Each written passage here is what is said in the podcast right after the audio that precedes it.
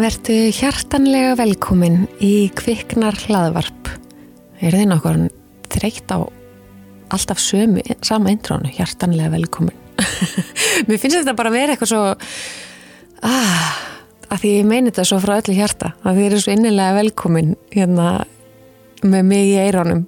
Það er svo, það er svo dásamlegt að vita að það er, það er fólk að núti sem er virkilega að hlusta og fræða sig og, og heyra reynslusögur annara. Þetta er, þetta er fallegt og hvetjandi og stundum erfitt. Uh, í dag kemur hún Helga til mín og segir mér frá uh, því að hafa eignast uh, dreng, dásamlegan dreng með skarðívör og góm og þetta er mjög merkileg saga og, og erfið á, á köplum en líka mjög hvetjandi og við horfum á þetta út frá alls konar sjónarhortnum og tölum um bókina sem hún gaf út og aðra sem hún er að fara að gefa út. Það er þetta heimfæra svona áfall eins og hún gekk í gegnum og, og hérna horfi upp á svon sinn uh, já, kvæljast og fari gegnum aðgerðir og ýmislegt upp á margt annað sem við göngum í gegnum með börnun okkar og, og finnum einhvern veginn hvernig það er líka viðhorðið sem sem að heldur okkur gangandi og að við séum einhvern veginn tilbúin að gera hvað sem er fyrir börnun okkar. Og, og við elskum þau að sjálfsögðu bara nákvæmlega eins og þau eru. Eins og við erum að gera við okkur sjálf líka og bara hvert annað. Indislegt að fá hana í dag, þetta er mjög áhugaverðu þáttur og ég hvet ykkur til þess að hlusta.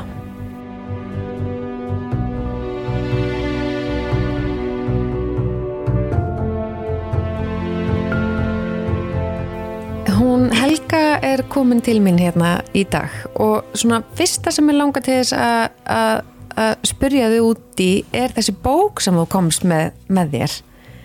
Uh, heitir Valur eignast sískinni. Þú gafst það nú 2019 Já, þegar þú varst kasólétt þannig að þú, þú, komst ekkert einu svona einhvern veginn nýja almenlega að kynna hana eins og kannski hefði viljað nei. Hvað er hægt að fá þessa bók?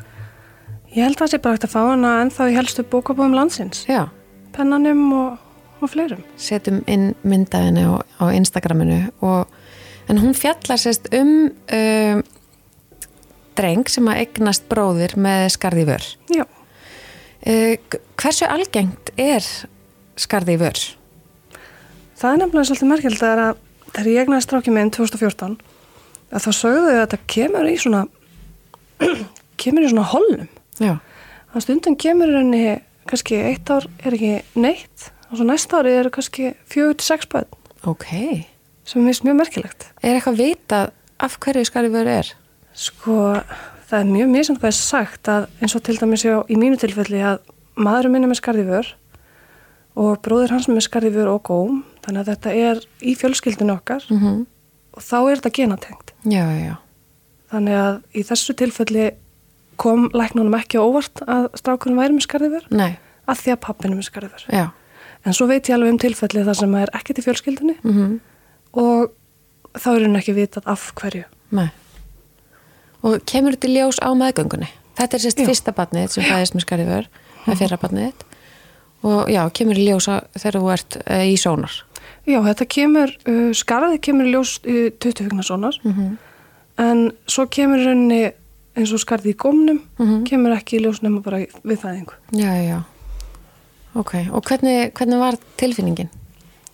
Þetta var nefnilega, þetta var mjög erfitt og eins og ég lendi núna í til dæmis með setnabarni mitt er að, að fara í 20 hugna sonar snýst ekki um að fá að vita kyn. Nei Þetta snýst um að fá að vita hvort að allt sé í lagi, barni sé heilbrygt. mm Og þegar ég fór í hennan 20 hugna sonar, þá var ég aðalega að hugsa um kynið. Já, og maður minn var á sjó þannig ég fór með mömmu minni. Og þegar hún er að skoða barnið það, þá sem sagt fer hún, hún reyna, reyna að skoða það sko upp og er að tellja upp hvað þessi er lægi já. Já, nýrun er lægi, já, hjartað. Mm já, ég sé svo hérna hann er með skarði vör. -hmm. Já.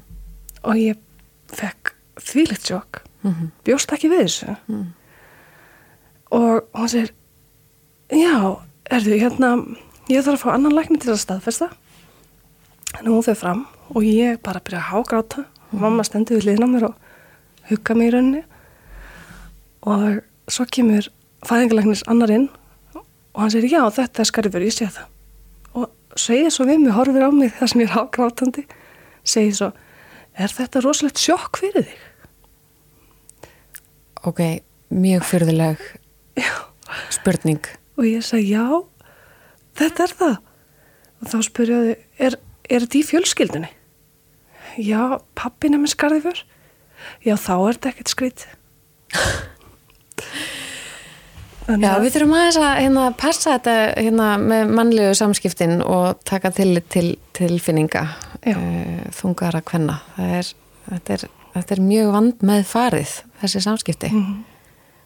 Og þarna, þarna greinilega ykkur brotalöfum í þessu, því þetta er ekki...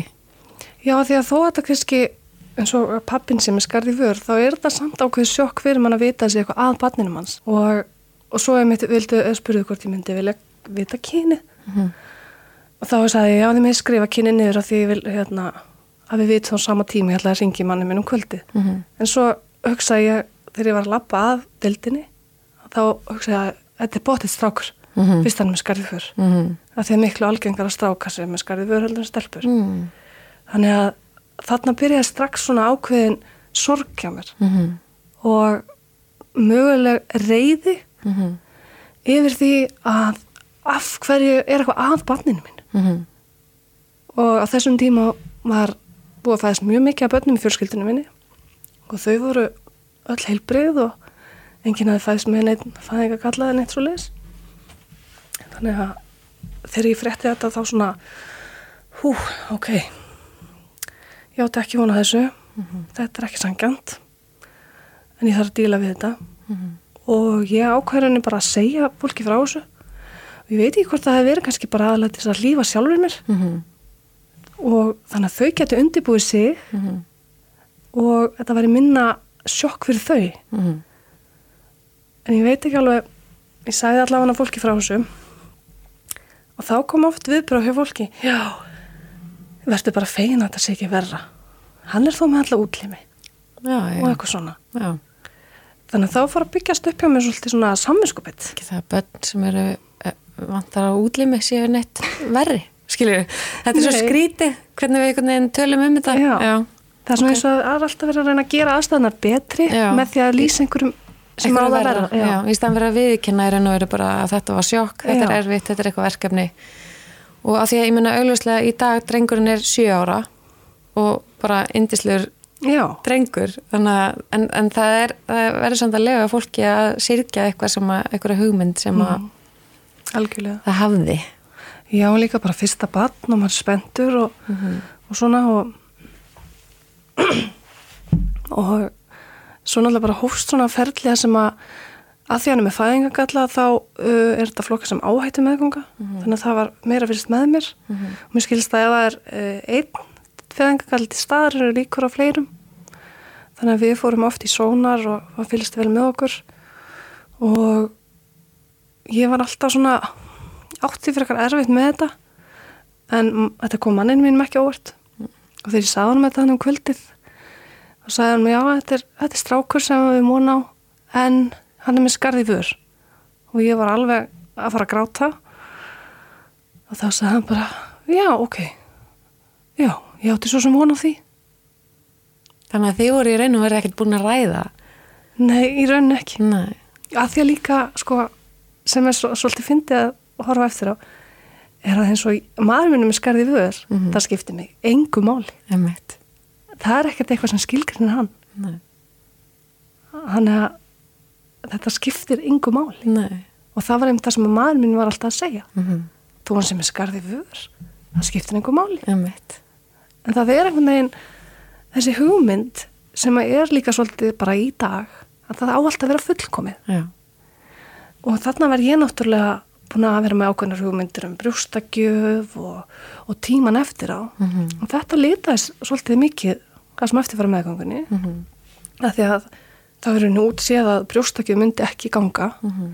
í dag eru aðgerri gerðar fyrst til þess að loka vörunni á þriðamáni Mhm. þegar maðurinn minn var fættist þá var, fór hann í aðgerð um, fimm daga gamall ok þannig að það munar svolítið þá Akkur hefur það breyst?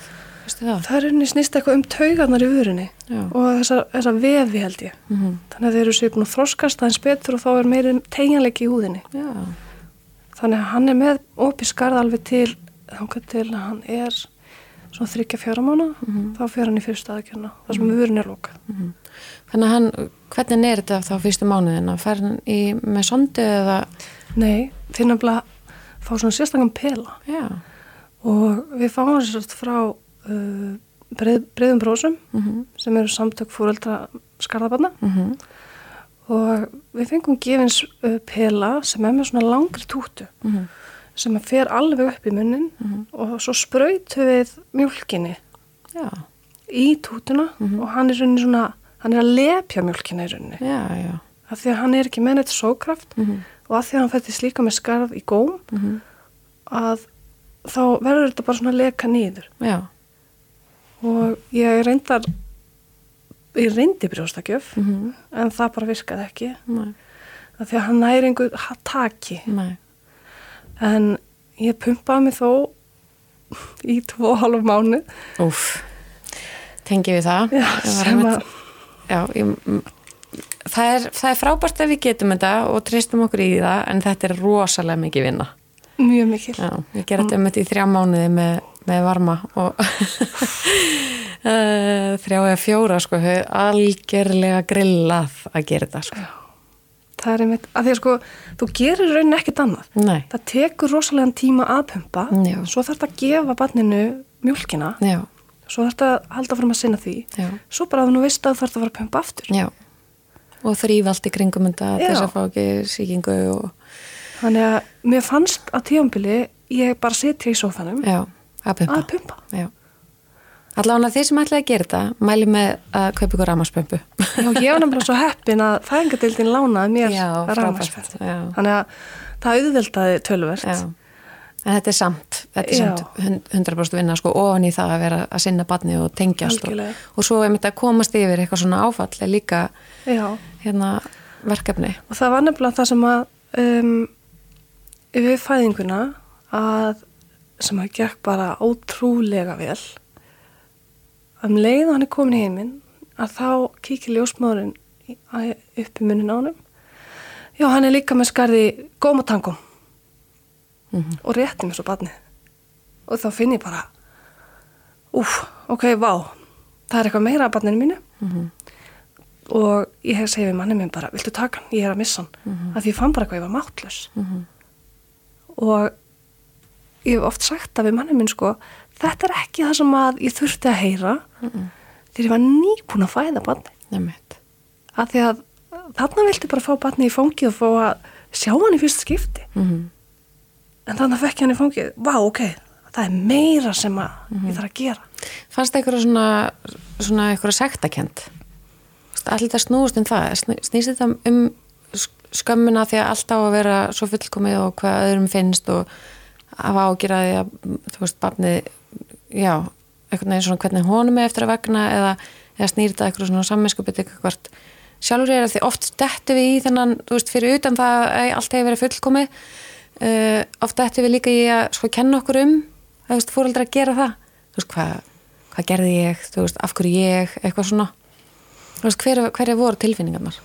Já, það er með það sem að í rauninni er kannski byrjun á þessari uh, andlegu líðan minni sem að var þarna að ég kendi sko, ég kendi mér svo sem ekki um skarðið. Nei, og heldur ekki mannin munum, alls ekki.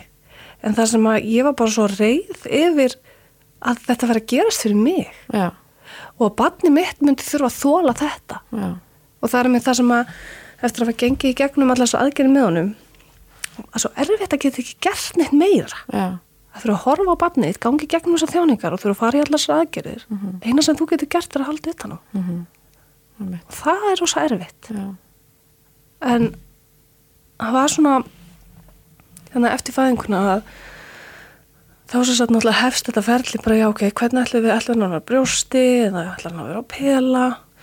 Og svo hérna, er mælt með að barni fái svona plástur yfir vöruna til þess að í rauninni uh, setja hérna saman sem á auðvelda þá aðgerna þannig að Mhm. ég held að sé ég veit ekki alveg hvort það sé bara til þess að það gangi betur að setja hana saman Mhm. og þá sem sagt förum við upp á fæðingadild þurfum að fara í hjartalínuritið og eitthvað svo leiðis þess að það hvort að hjarta sé í lagi sem að tengist alltaf því að hann er með einn fæðingalla Mhm. og ég átti rosa erfitt með það að horfa barni í gangi gegnum það, hann var alveg brjálæður með hann og svo förum við til ljósmóðunar og hún fer að setja hann plástur á. Og þá veist ég ekki hvert ég ætlaði að fara sko, af því að ég bara, guð mig góður að leggja þetta á litla barni að fyrir að vera með hann plástur yfir andlitinu. Mhm. og þá svona sér hún á mér að mér líður ekki kannski eins og mér ætti að vera að líða á þessum tíma. Mhm. og þá spyr hún viltu fá að tala við einhvern? Og ég segi bara nei það er ekkert að mér. Mér finnst bara að sjá barnið Loksins þegar þú ert spurð sem er bara fyrðulegt á þessum, eða þú veist, að það skulle ekki hafa verið gert í raun og veru strax. Mhm. þú veist, strax í sjónarnum síðan strax eftir fæðinguna en svo loksins þarna ertu spurð og þá segir þú nei. Já, og þetta er einmitt líka oft það sem við gerum sko. Mm. nei, ég, ég, með þetta sko ég skammast mín fyrir að líða illa. Því við fáum sko saminskupið yfir því að líða illa yfir því að þetta sé svona.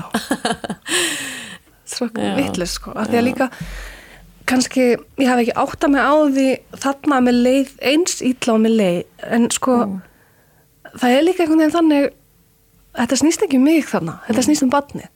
Og maður vil ekki vera að taka einhverja aðtekli frá barninu að vilt þú tala við einhvern? Nei, ég er bara hérna að sjá um barnið mitt Þetta er svolítið svipað eins og feður þegar þeir tala ekki um tilfinningarna sína sko, eftir fæðingu eða meðgöngu.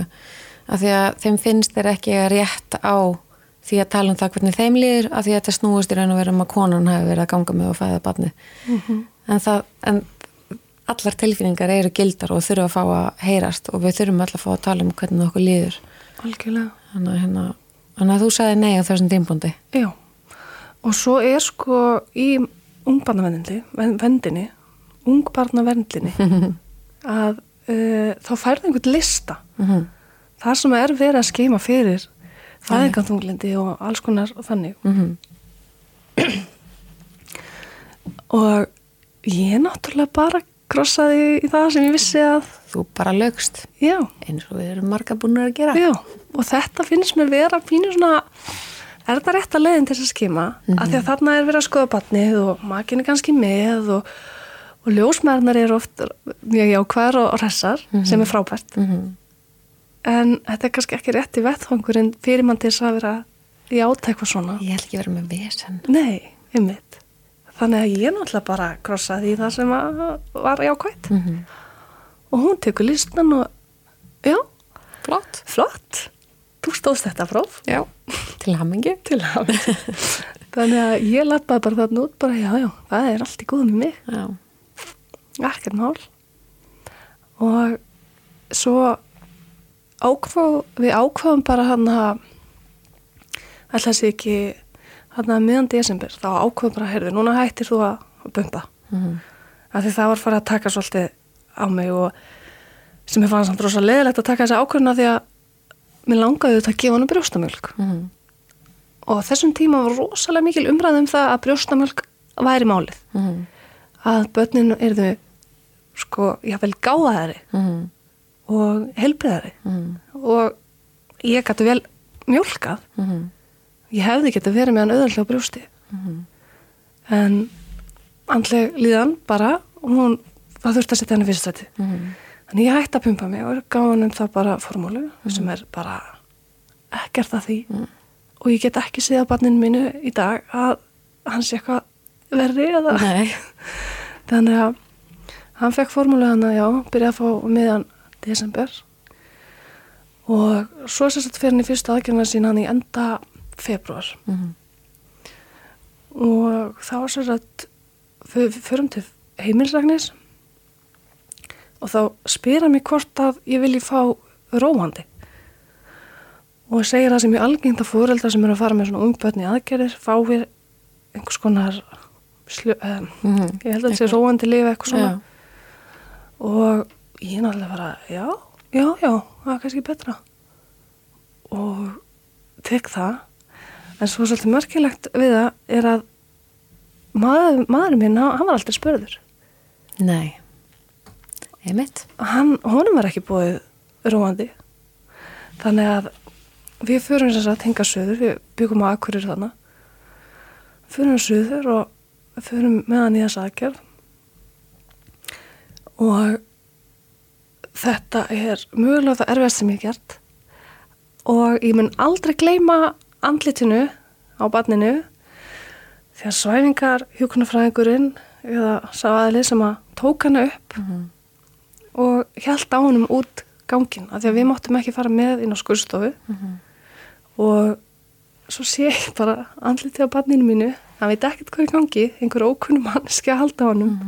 Og við áttum bara að fara upp á deild og býða á með hann og þarna voru við náttúrulega bara við erum hvað 24 ára?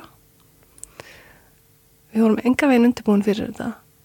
En vissum að náttúrulega þetta þurft að gerast. Þannig að við förum hann upp á dild og erum að býða svo loksins fáum við ringingu, maður höfum komað niður á vögnin og þegar við komum niður að þá náttúrulega í rauninni sko erum við bara búin að eignast nýtt barn. Mm að því að hann lítur ekkert út eins og hann leit út. Nei. það búið að loka vöðrun hans.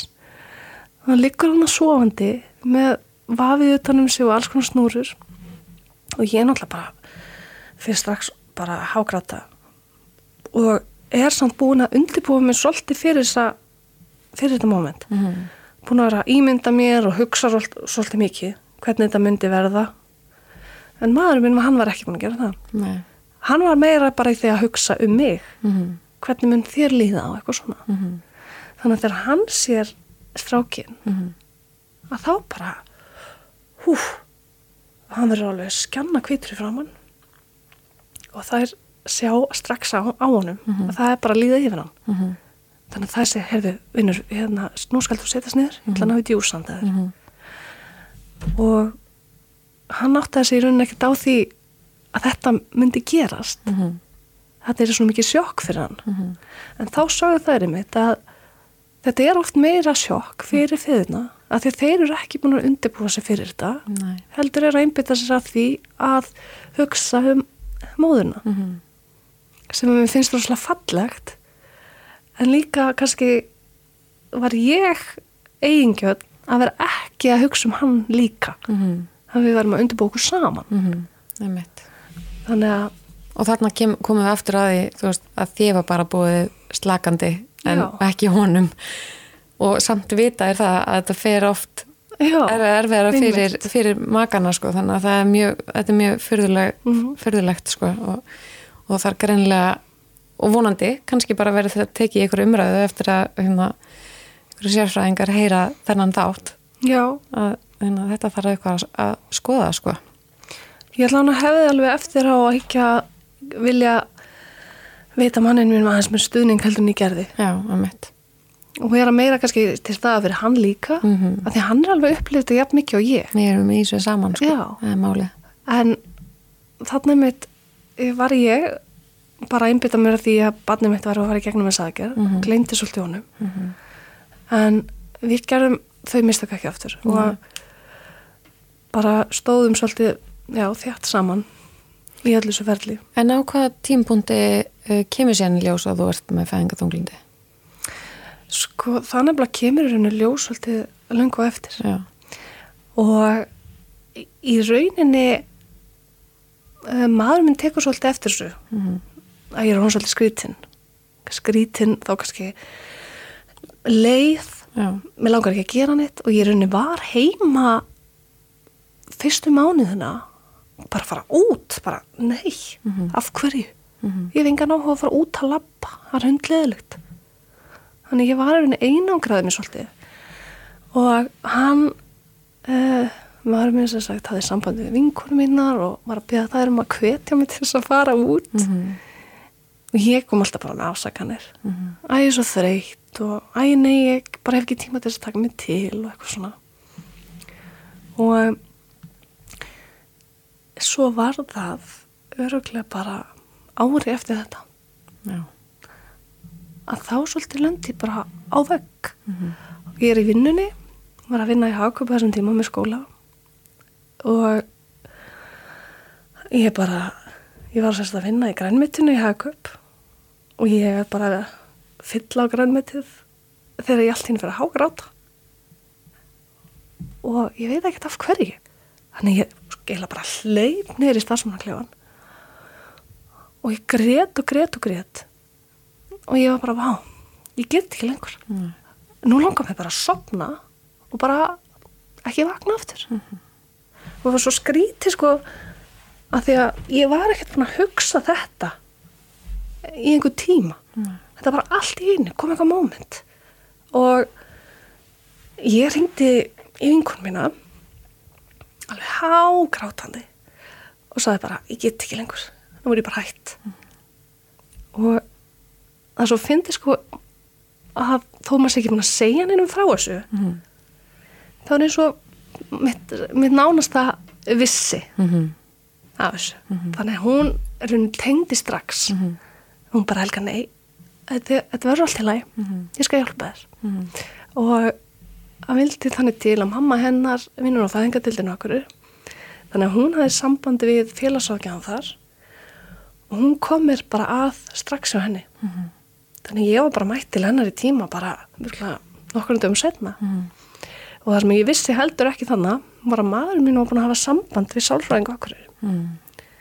og segja bara frá stöðumála og þá sagði hún að það væri svona þrýr til sex mánuður í byrlista og ég var oft hugsa sko ef að hann hefði bara sagt ok, ég ætla að fá tíma eftir þrjá til sex mánuði Mhm. hvað hefði gerst hann í millitíðinni Mhm. því að þarna var ég komin í raunni á þann stað að það þurfti eitthvað að gerast strax Já. og þegar maður er í svona ástand þá áttar maður sér kannski ekkert á því sjálfur. Mhm. að því að maður er einhvern veginn og eða sko mitt fæðingatunglindi líka lísti sér þannig að sko ég elskaði barnið mitt út af lífinu. Og ég syndiði vel og það var ekkert þannig sem að tengdist. En mér bara langaði ekki að gera það. Mér langaði bara að fá að vera einhvers þar í friði. Og mér fannst ég ekki gefa neitt af mér. Og ég sagði við manni minn á þessum tíðanbúndi veistu þú mátt alveg fara. Því að ég er ekki neitt maki núna. Og það er svo erfitt að rifja þetta upp að því að hann bara nei við bara gerum þetta saman. Og ég hef enga nógu að fara frá þér. Og það er svo erfitt að að viðurkenna þetta fyrir maka sinn. Þannig að sem betur fyrr fekk ég þá aðstóð sem ég þurfti að halda og eftir hennar tíma hjá félagsákjáf ég man ekki hvort ég hef mætti lennar einhver tvísvar, tvísvar sinnum þá komum við bara að því sálfræðingi. Og allir það hef ekki bara viðrið mitt að því að þetta var bara mjög mikilvægt og þarft fyrir mig. Og ég komst að því sálfræðingi fór til hennar einhver sex skipti og þá náði ég svona að læra að byrja kjensla á tilfinningar mínar og hvaða væri sem var að og fór að líða betur, ég fór að þunglítislif en ég er henni gafst upp á þeim að því að ég fekk svo svakalega miklu aukaverkanir Já.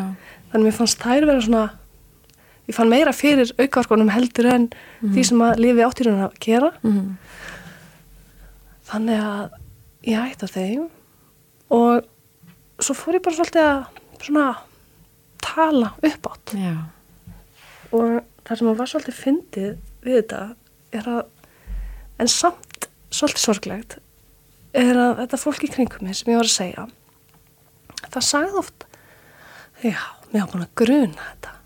Mér hafa búin að gruna þetta svolítið lengi. En sagði samt aldrei neitt við mig. Þegar að, að því að það erfiðast þegar þú ert í þessari stöðu er að viðurkenna Já. og segja frá. Af því að af hverju á að vera eitthvað að? Þú ert með glæneitt batn og það er indislegt og það er dásamlegt líf hérna með nýja Einmitt. þegar það er rauninni alls ekki þannig. Nei. þannig að það er svona ég hefði kannski vilja að fá svona viðurkenningu frá fólki í kringum mig Mhm. sem að hefði bara sagt við bara, "Heyrðu, Helga, ég sé bara að þér líður ekki vel, ég sé það alveg á þér. Að því að þó ég sé kannski, ég er ekkit rosa mikil félagsvera þannig séð, en þarna var ég bara ekki að hitta neitt og mamma þurfti bara að sannfæra mig um að fara út sem er alveg ótrúlegt sko. Ég var bara heima ára sjónarp einn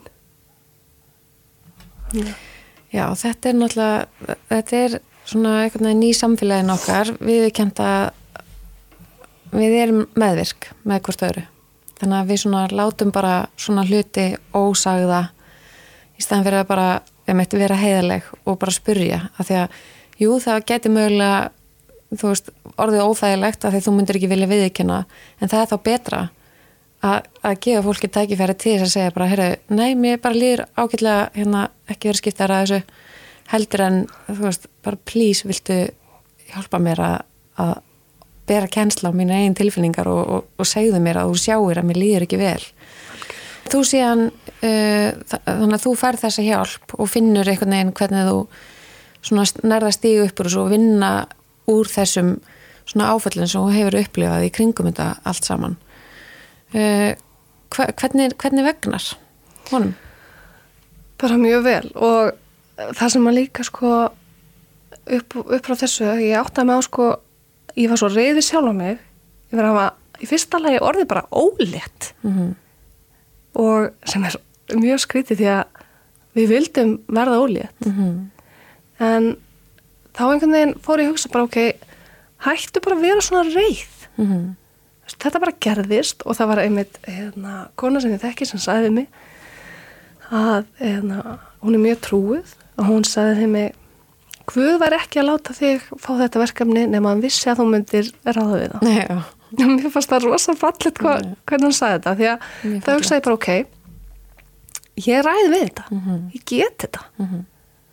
og þó að þetta sé mjög erfitt en þá er þetta alveg þessu verði Mhm. og ég menna strákurinn minn, hann er æðislegur og ég hef oft sagt og maður með líka hann er með svona, hann er með smá x-faktor já, hann er svona aðeins finnst mér svona rosalega skemmtilegu karakter Mhm. og við höfum alltaf bara einblínt á það Mhm. að þetta er ekki þó hann sem er skarðið vör og góm og þetta er eitthvað sem að mann fylgja honum alla æfi og, og við erum ennþá að díla verun í dag en þá er þetta ekki eitthvað sem skilgrinn hann alveg eins og pappan sko. Og Hverjir eru svona, veist, fylgi, er eitthvað svona fylgi kvillar?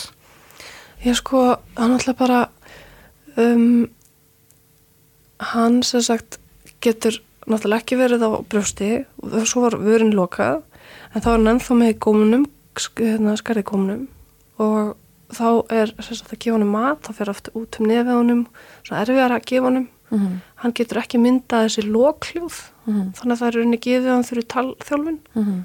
þannig að hann er búin að vera í henni alveg síðan hann var ég, hvað, fjögur ára Mhm. og svo er hann með skarið tangum líka þannig að hann þarf að fara í sagt, eh, beintilfæslu þegar hann verður svona 10-13 ára þannig að sagt, tennurnar, hann þarf að fara í einhverja tannviðgerir Mhm. Og svo eins og með manni minna að hann, þá þurfti hann að fara í kjálka tilfæslu þegar hann var um tvítugt af því að þá þroskast ekki efri eh, kjálkin Mhm. eins og neðri Mhm. þannig að þá fekk hann skúfu Mhm. og það er að laga það og það biti og öðru þannig að Þannig að þetta er svona verkefni veist, með svona ákveðnum ákveðnum millibili að það er alltaf eitthvað svona framöndan aðgerðir og, og, og já, svona þjálfun emitt Mhm. sem að nöfnbörn kannski þurfa ekki. Þú veist, þessi börn þurfa sérstaklega já, Og svo líka það sem að við erum núna svolítið að upplifa með setni strákin okkar er að að hann er ekki með skariður er að þá svona, já, býtu, hann getur nota rör, já, já, já. Hann getur verið með svona glas sem að kannski, við þurfum alltaf að gefa eldri stráknum okkar bara úr venjulegu glasi, Já. að því að hann kunni ekki að sjúa já, emitt og það er svona margt svona sem að við erum að upplifa bara, hm, ok, það á að vera svona mm Ég þurfti fyrstu mánuðina þurfti ég að halda snuðinu upp í eldri stráknum mínum af því að hann náði ekki að náttúrulega festa Mhm. upp í sér. Með yngri strákin var þetta aldrei neitt mál Nei. og hann var á brjósti þangað til hann var orðin 13 mánuða. -hmm.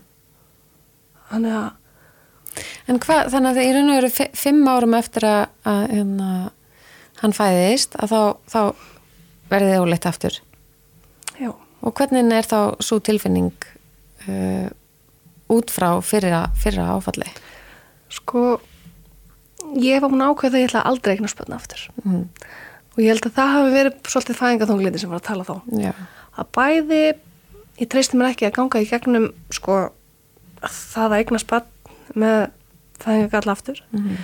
Og líka gangi í gegnum þetta fæðingaþunglindi. Mm. Af því að maður er auðvitað hrættur um að þetta gerist aftur. Þannig að um, við ákváðum að eignast annan barn og Uh, við sagt verðum óléttir við, við búum út í Þýskalandi og við sem sagt komast það við sem ólétt þannig í feb februar 2019 og þá er erum við strax tölum bara mikið saman um að þetta bara gæti líka verið með skarðifur þetta væri alveg líkur á því. Og að það væri alveg líkur á því líka ég gæti fengið fæðingaþunglindi aftur mm -hmm. Þannig að við vorum bara rosalega duglega að tala saman og svo fórum við saman í sónarinn og þá snýrst það einmitt ekki um að fá að vita kyn, mm -hmm. þá snýrst það bara um að fá að vita mm -hmm. hvort það var með skað. -hmm. Og við förum hann í sónarinn og, og læknirinn er meðutar um þetta því að við erum náttúrulega búin að segja fyrir sögu. Og hann segir aðtöfu bara strax andlitið.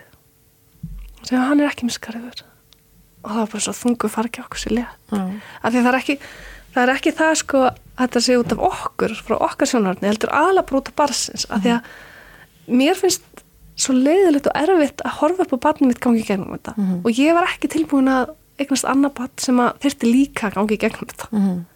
af því að það er líka alls konar bara einelti og og eitthvað svona sem að maður vil auðvitað ekki að barna sér lendi í mm. og ef það er eitthvað sem að getur auki líkvöndana á því mm.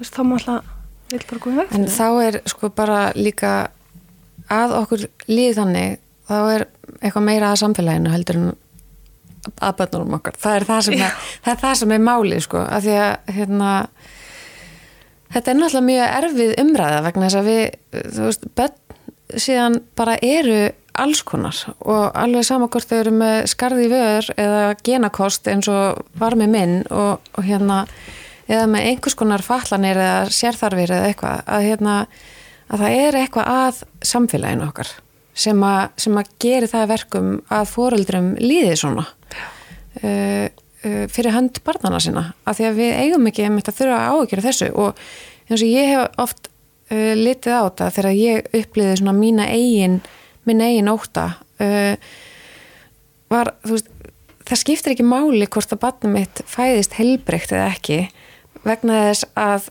náttúrulega fyrir utan, þú veist, auðvitað viljum við ekki sjá batna okkar þjást eins og að fara í aðgerir og þetta það, það bara tekur rosalega á, bara náttúrulega bæði batn og foreldra. En, en þú veist, að sko batn mitt getur líka enda á því að vera skiljuru uh, hérna gerandi eða, eða fíkil mm. skilur hérna sem að kemur ekki til ljós eitthvað við fæðingu Nei.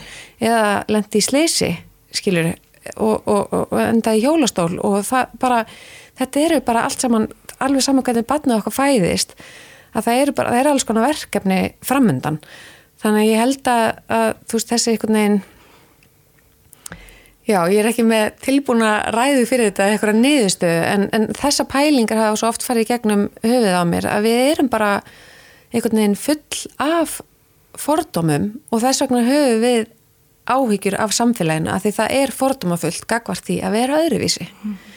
og það er svo sorglegt og það er það sem við þurfum að breyta og þess vegna er svo mikilvægt líka að sína uh, börn bara veist, í auglýsingum og og bara allstaðar að við séum sínileg með það að börn eru alls konar.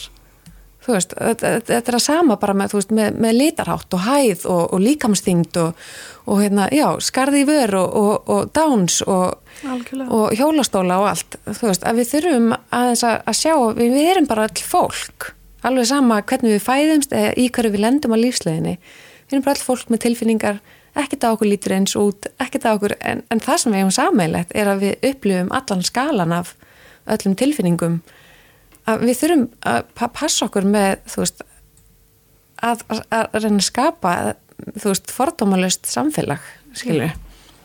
Þannig að því að við, við greinilega erum sjálf með eitthvað svona skoðanir sem við höfum því að aðrir hafi að því hvernig börnin okkar eru. Og, og þannig að já, við getum í raun og veru bara að byrja á því að, breyta þessu sjálf en þetta er raunverulegur ótti og ég, og ég skil þig Já, líka sko, það sem ég fór svolítið í að ég var svolítið ofhugsað þetta. Mhm. Ég fór alltaf lengra og lengra og var að búa til einhverja, einhver scenaríu sem að gætu gæst. Já, einmitt, En eins og maður mér var alltaf að segja að hann er með skarðið vör, hann var aldrei lagður í einildi einmitt og hann alltaf, hefur alltaf verið sterk í karakter og sem að í rauninni hefur frekar verið, alltaf verið vina margur og, mm og hress og kátur sko. -hmm. En aldrei gefið færi á sér einhvern veginn að, að því að þetta hefur aldrei verið neitt mál. Þannig að ég fór strax að sjá það neikvæða Mm og bara oh my god þetta mun gerast og hann þarf að fara í gegnum þetta og það er þetta. -hmm. en svo bara þarf maður að taka eitt dag í einu og núna er ég búin að fara í gegnum fjóra ræðgerir með honum og það er ekki að sjá á honum að hann hafi farið í gegnum ræðgerir Nei, og það er ótrúlegt hvað þau eru sterk. Já, hann er svo sterkur. Já, sama dag og hann var búinn í held ég aðgerð nummer tvö og hann fann að hlaupa um gangana á barnadeildinni. Mm. nema, og ég á eftir honum með hérna, Þú með áhyggjurnar eftir honum. En hann bara frjáls. Já. með sjálfan sig. Og hann var sko við fengum að losa sérst æðaleginn fyrr Mhm. af því að hann, hvort hann hafi verið með næringu eða það var eitthvað sem hann var með. Og þau sá það bara henni neini, hann þarf ekkert að þessu að halda. Mm. þetta var bara frekar að afturlum að því að hann gæti ekki reyft sér almjögulega og læknirinn var bara já, hann er ekki að sjá á hann hann hafi verið aðgerð í morgun. Nei, Já, þannig ég held að við, við sko þurfum að gefa bara krökkum sem að hérna, fæðast með hvað sem þau fæðast með, skilur við bara kredit alveg eins og heilbriðum börnum. Og það er smá þetta já, mér finnst alltaf smá leiðilegt núna, einhvern veginn, eftir að ég bara búin að upplýta á eigin skinni þú veist það er eignaspatt með, með, með genakost skilur við, að hérna að þetta, já, að fættist heilbreykt með tíu fingur og tíu tær já, Já, en byrju, ok, á ég þá ekki að segja frá því ef að barnið mitt hefði fæðist með sjöfingur. Skilur, er þá, er, elska ég þá ekki barnið mitt jafn mikið? Af Því að við erum bara allt og mikið í þessu að tala um eitthvað fullkomið og það er eitthvað, en það er ekkert til sem er fullkomið, af því að ekkert á okkur. Veist, við erum bara fullkomin eins og við erum. algjörlega Þannig að þetta, að, það er svo gott að, já, að ræða þetta. Þetta er, þetta er, þetta er ekkert nema, nema fordóma, sko, og bara einhvern veginn svona vannþekking og við lærum einhvern veginn aldrei nema við kynnumst einhverjum sem er með einhverjar sérþarfir eða eignumst svoleiðis börn sjálfi eða skilur já, einhvern veginn, upplifum þetta einn skinni eða, eða einmitt, tölum um þetta ofinskátt og bara, þú veist, og viðkennum auðvitað, þetta er, þetta er áfall og, og það, það, það gerist eitthvað og þetta er ótti. Veist, en, það, en síðan er bara strákurðin einmitt, bara mjög virkur og fullkominn drengur. Við, þannig að það er og það líka sem, sem hefur svolítið hjálpað mér er að, að því að pappan sé líka með skarðiður að þá eiga þeir þetta svolítið saman. Já, ég er eins og pappi minn. Já, og það er ós fallegt. Já, og, Og- eins og þú talar um að, að, hérna, að hann honum liðið stundum eins og hann væri sko einn í heiminum eða þú veist, eini krakkin já, þannig að þú ákvast líka svolítið að já ég hérna gera þessa bók. það var raunni, það var sagt uh, lítil frænka mín sem að við fórum, sem sagt, fjölskylda mín er mjög náinn, stór fjölskylda mín og um, við hittumst alltaf einu svona ári í stórum sumbústað og gerum laugabröð saman mm. sem er æðislega og þarna var hann um, rétt hæflega einsmána þegar við mætum með hann þákað og þá eru allir að sjá hann svona almennlega í fyrsta skipti og fá halda á hannum og, og þá spyr frænka mín sem að hvort hann hafi ekki verið þryggja fjara á þessum tíma. Akkur er hann með svona skrýtna vör? Mm og þá fer ég að útskýra og segi hvað hann sem er skarað í vör og, og þetta verði lagað og, en hann sé samt ekki öðruvísi. Mm.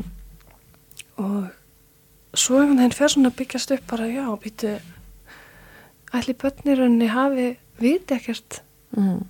um þetta sem er auðvitað, kannski Já, auðvitað ekki og Nei. við fullotnum fólki vitum ekki sinni. Nei. þannig að við getum ekki ætlast þess að börnin gera. Þannig að ég geng með þessa sögu í mann mörgulega bara hvað í, í þrjú, fjör ár Mm og svo er það þegar ég flutt til Þýskalands og ég sitt í þýsku tíma sem að ég bara hendi þessari sögunir á blað skrifa hana bara upp þegar ég ætti að vera að læra þýsku og ég hugsaði bara, vá, heyrðu þetta verður að, að verða að einhverju Mhm. og þá ferði ég sér satt í það bara að skrifa hana og reynskrifa hana og, og svo fer ég að hafa sambandi við útgefundur og hérna og svo verður þetta loksins að veruleika tveimur án reyna Mhm. Og þetta er þetta er náttúrulega draumur að, rætast að það hafi tekist Já.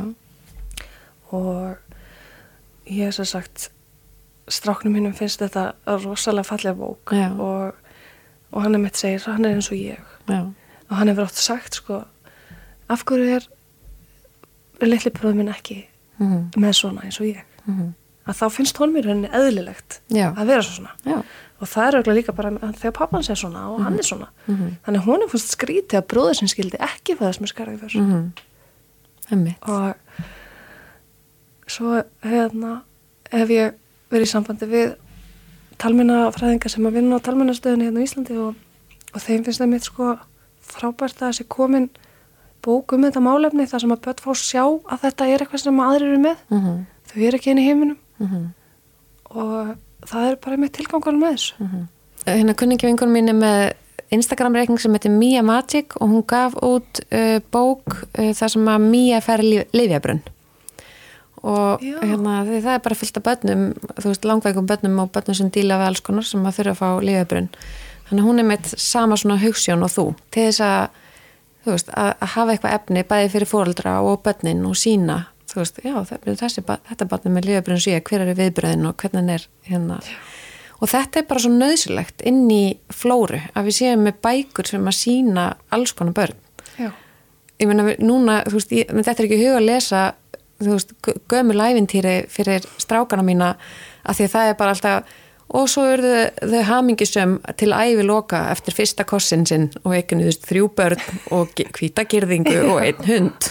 Þú veist, af því það- svona virkar ekki heimurinn, hann er bara svo, svo fjölbreytilegur að hérna. Já, líka bara fyrir börn að sjá börn í sögum Já. sem eru raunverulega aðstæður. Já, og svo er ekki verra ef þau geta lært eitthvað í liðinni. Akkurat, til að bera virðingu fyrir, já, til að bera virðingu fyrir bara öðrum og Já. sjá, sjá að mitt fjölbyttileikan, já. Það er einmitt það sem að ég skrifa í þessari bók er að það er ekki allir eins. Nei. Það væri ekkert gaman ef svo væri. Nei, Við er, okkur er ekki ætlað að vera öll eins. nei, akkurat, Og þó eins og strákur minn að þess með vör að, að þá er hann ekki döðri í seldur en aðrir. nei, Hann getur alveg leikið svo oft gaman mhm, og þó að kannski hann er verið með að tala þá veit hann samt allt hérna uppi. Já, og hann er með ótrúlegan orðafarða Mhm. þó að hann kannski get ekki sagt orðin rétt. Mhm, en hann þarf bara að læra það eins og allir aðrir. Mhm, einmitt. En þú, þú ert komið hugmynda annari bók, þú ert að vinna í, Já, já, spennandi, er það eitthvað sem þú vilt segja okkur frá? já það er hérna vonandi kemur hann út núna í ágúst eða september og það er mitt um sam, sömu personu að þá er í rauninni valur eignast vinkunu og, og það er mitt bara skrifað út frá minni reynslu. Og þá snýst þetta um sagt um að, um að það er stelpa sem að byrja á leikskólanum hans vals sem að var að flytja.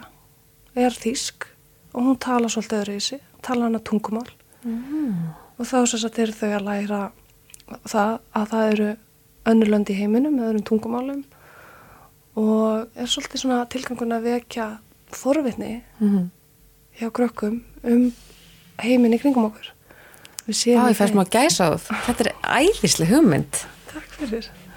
Þetta er nefnilega, það er margt sem að gerist þegar maður er bara, einmitt, að lifa lífinu. Já, Og þetta er bara eitthvað sem að kemur mhm, út frá því, út frá minni reynslu. Já. Og það sem að, einmitt þegar hann byrjar á leikskólanum út í Þýskalandi er að, mér fannst ég rosalega vond við hann að skilja hann eftir þar sem að enginn skilur hann og hann engan. mhm, Og leikskólastjórnum var að reyna að skrifa upp orð á íslensku. mhm, Hvernig segir maður viltu borða? mhm, og hún var að reyna að segja það á íslensku mhm, á meðan eru við að kvart yfir því að get ekki lært tungumálið eittur og bingo ég meitt.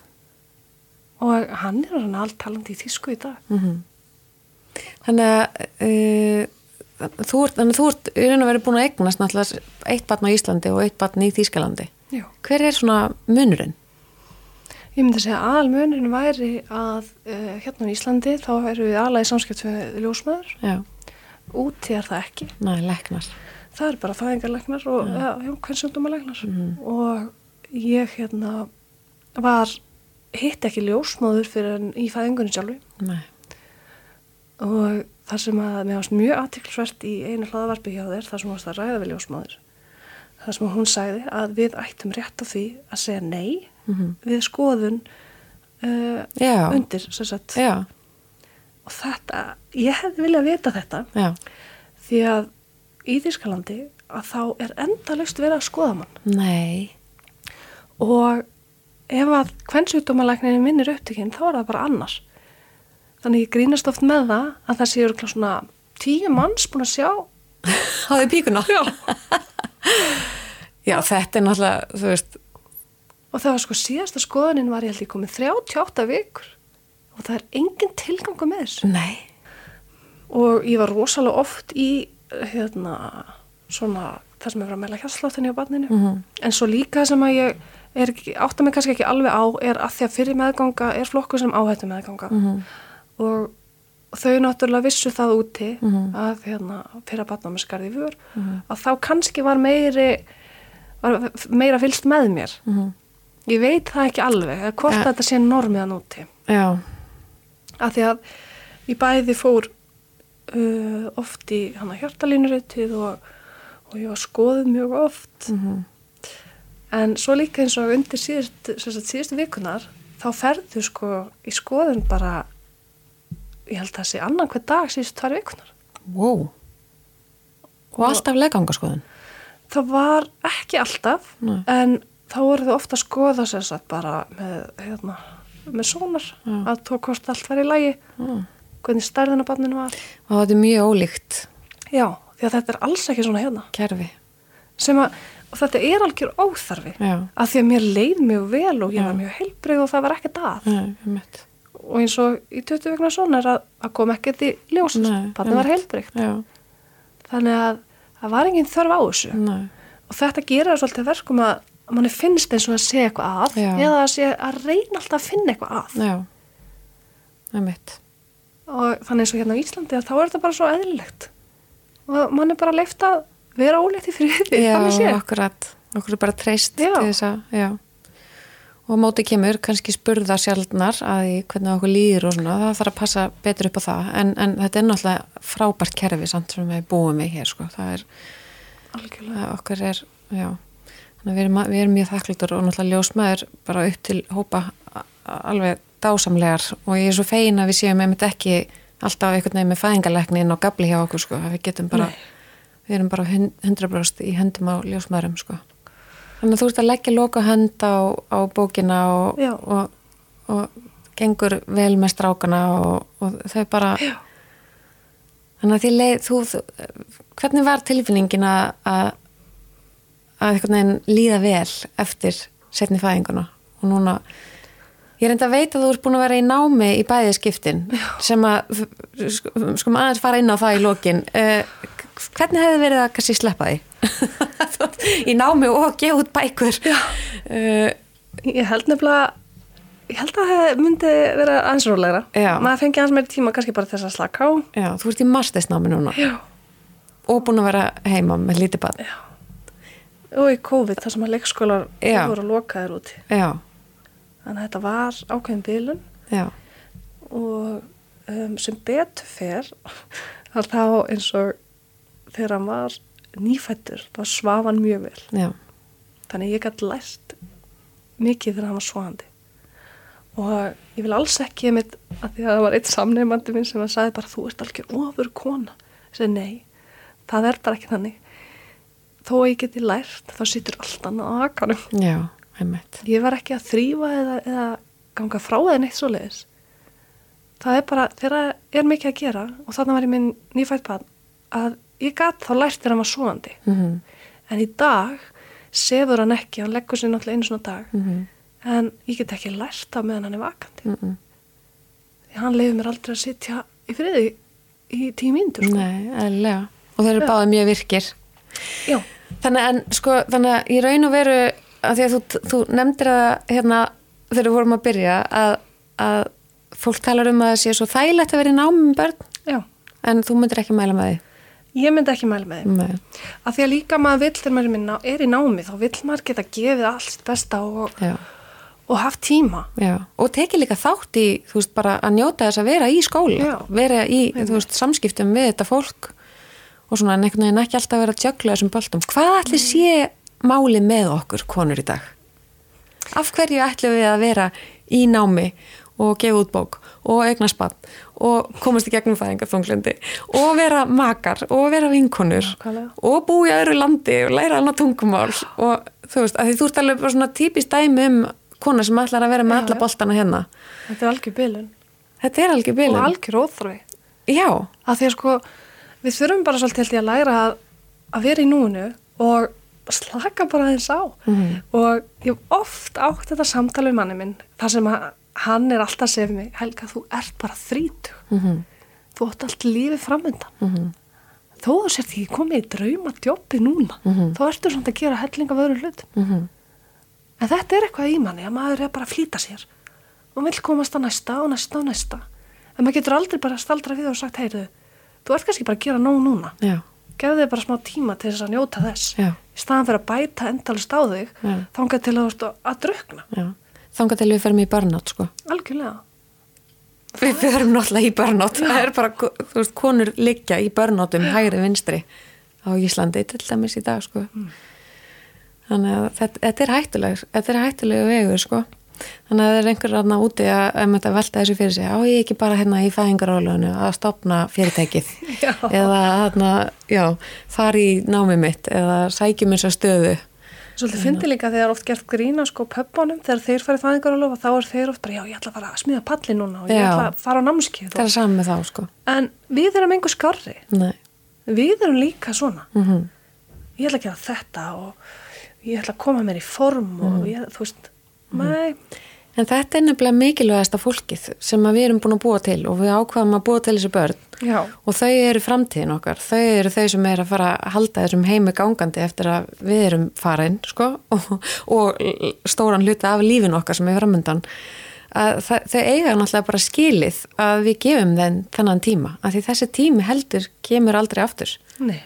Og það er líka sem að mm, búandi í Þýskalandi að við höfum svolítið lært bara að við erum miklu meira saman heldur en kannski við værum hér ef við myndum búa í Íslandi af því að minnst hraðin hér oft rosalegur. Já, að það eru allir í íþróttum og einhverju reyfingu og hittingum og svona en úti þá er þetta bara við. Mm og þá einhvern veginn svona erum við kannski meira náinn og gerum meira saman og erum rólegri. Við erum ekki að flýta okkur alltaf ykkvert -hmm. Nei, fjölskyldu verna samfélag.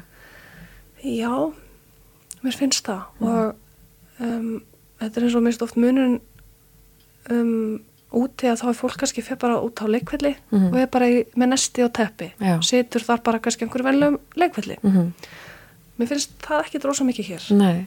Og oft þegar ég er hérna á Íslandi þá náttúrulega eru strákaminni bara með mér allan daginn. Mm og ég er kannski að fara á ról og klukkan nýja lögutasmanni -hmm. og það er engin En, Við settist þeim út á fyrsti góðveristagurinn í gær, settist út við þálegur með, með strákana bara á eitthvað tún þarna í hveragerði. Geggjað, það var náttúrulega enginn sko. Og ég hef mitt upplitið að ég bjóð í Danmarku hérna með, með passföðu mínum að við fórum með mitt út, skiptist á að fara út þegar við áttum lögat að sunda að, að, hérna, að, að fara með stelpunar út að leika bara þú veist, út í garðinum af því þar var bara svona samilega garður og það var alltaf fullt af fóldrum, allir bara með kaffimál Já. og krakkarnir, þú veist, að leika sér saman. Þú veist, þetta, þetta er, og það var og tengist ekkit bara veðrinu, þetta var meira næs á sumrin, skilur, en þetta var þetta líka veturnar, fólk klætti sér bara. En við erum ekkert í þessu hér. Þú veist, það, þetta vantar svolítið já, að því að við erum á fullu að reyna að nota tíman í að vinna eða að vera í skólanum eða að vera að gera eitthvað, nota tíman, nota tíman, nota tíman sko. Það ætlum að vera svo successful. Já, en það er náttúrulega líka, þú veist, fullt af successful Íslandingum Já, og já. erum framhúsgarandi meðal þjóða. En það er spurning hvort að hérna hvort þetta sé ekki eitthvað sem við þurfum aðeins að, aðeins að skoða og staldra við og gefa börnunum okkar. Já, þetta er bara þúsund dagar sko. Þeir eru bara þúsund dagar, það eru bara þeir sem eru mikilvægastir. Herðu, það var eindislegt að fá þig Já, til mín og gefið mér hérna, þú veist já, svo bara svo gaman að sjá einhvern veginn, þó þú sést með alla boltan á lofti, en þá ertu svona greinlega meðvitið um að þú ert að eiga þessi þessar stundir og því fjölskyldan. Og gaman að sjá líka svona fjölbreytileika í, í já, þetta er bara þáttur um fjölbreytileika. Já, og svona embracea það. Myndu við tala aðeins meir um það og sínt alls konar og talað um alls konar? Já, og til hamingi með allt þitt og þig. Takk Er fyrir. eitthvað að lóku sig langar að segja við listendur? Nei, það er henni bara það að, að lifa og, og slaka hans á og eitthvað sem ég þarf að segja við sjálfum með okkur einustu degi. Akkurat. Og líka það er alltaf lægi að líða illa. Og, en það er alltaf betra að, að tala saman. Og það sem hefur hjálpað mér í gegnum allt þetta ferli að það er bara að tala við manni minn, vera reynskilinn og ekki vera fel einhverja tilfinningar. Mm. Af því að þá bara ef maður byrgir þetta allt inni þá endar þetta í einhverju eins og segir börnáti eða einhverju sprengingu. Mhm. Það er bara ekki gott fyrir neitt. Einmitt. Það er fæðinga þunglindi. Og sama með Já. þig og bjóða honum. Já, Tala með sína tilfinningar. nákvæmlega. Það gengur fram og tilbaka hjá okkur báðum. Það þurfa að vera bara til staðar fyrir hvort annað. Mm Því þetta er ekki auðvelt. Nei, þetta er ekki auðveld. Raunin er ekki auðveld, alveg sama hvernig, hvaða verkefni við fáum í hendurna, sko. Já, Indislegt. Góð lokaorð. Takk Helga innilega fyrir komuna. Já, takk fyrir að fá mig.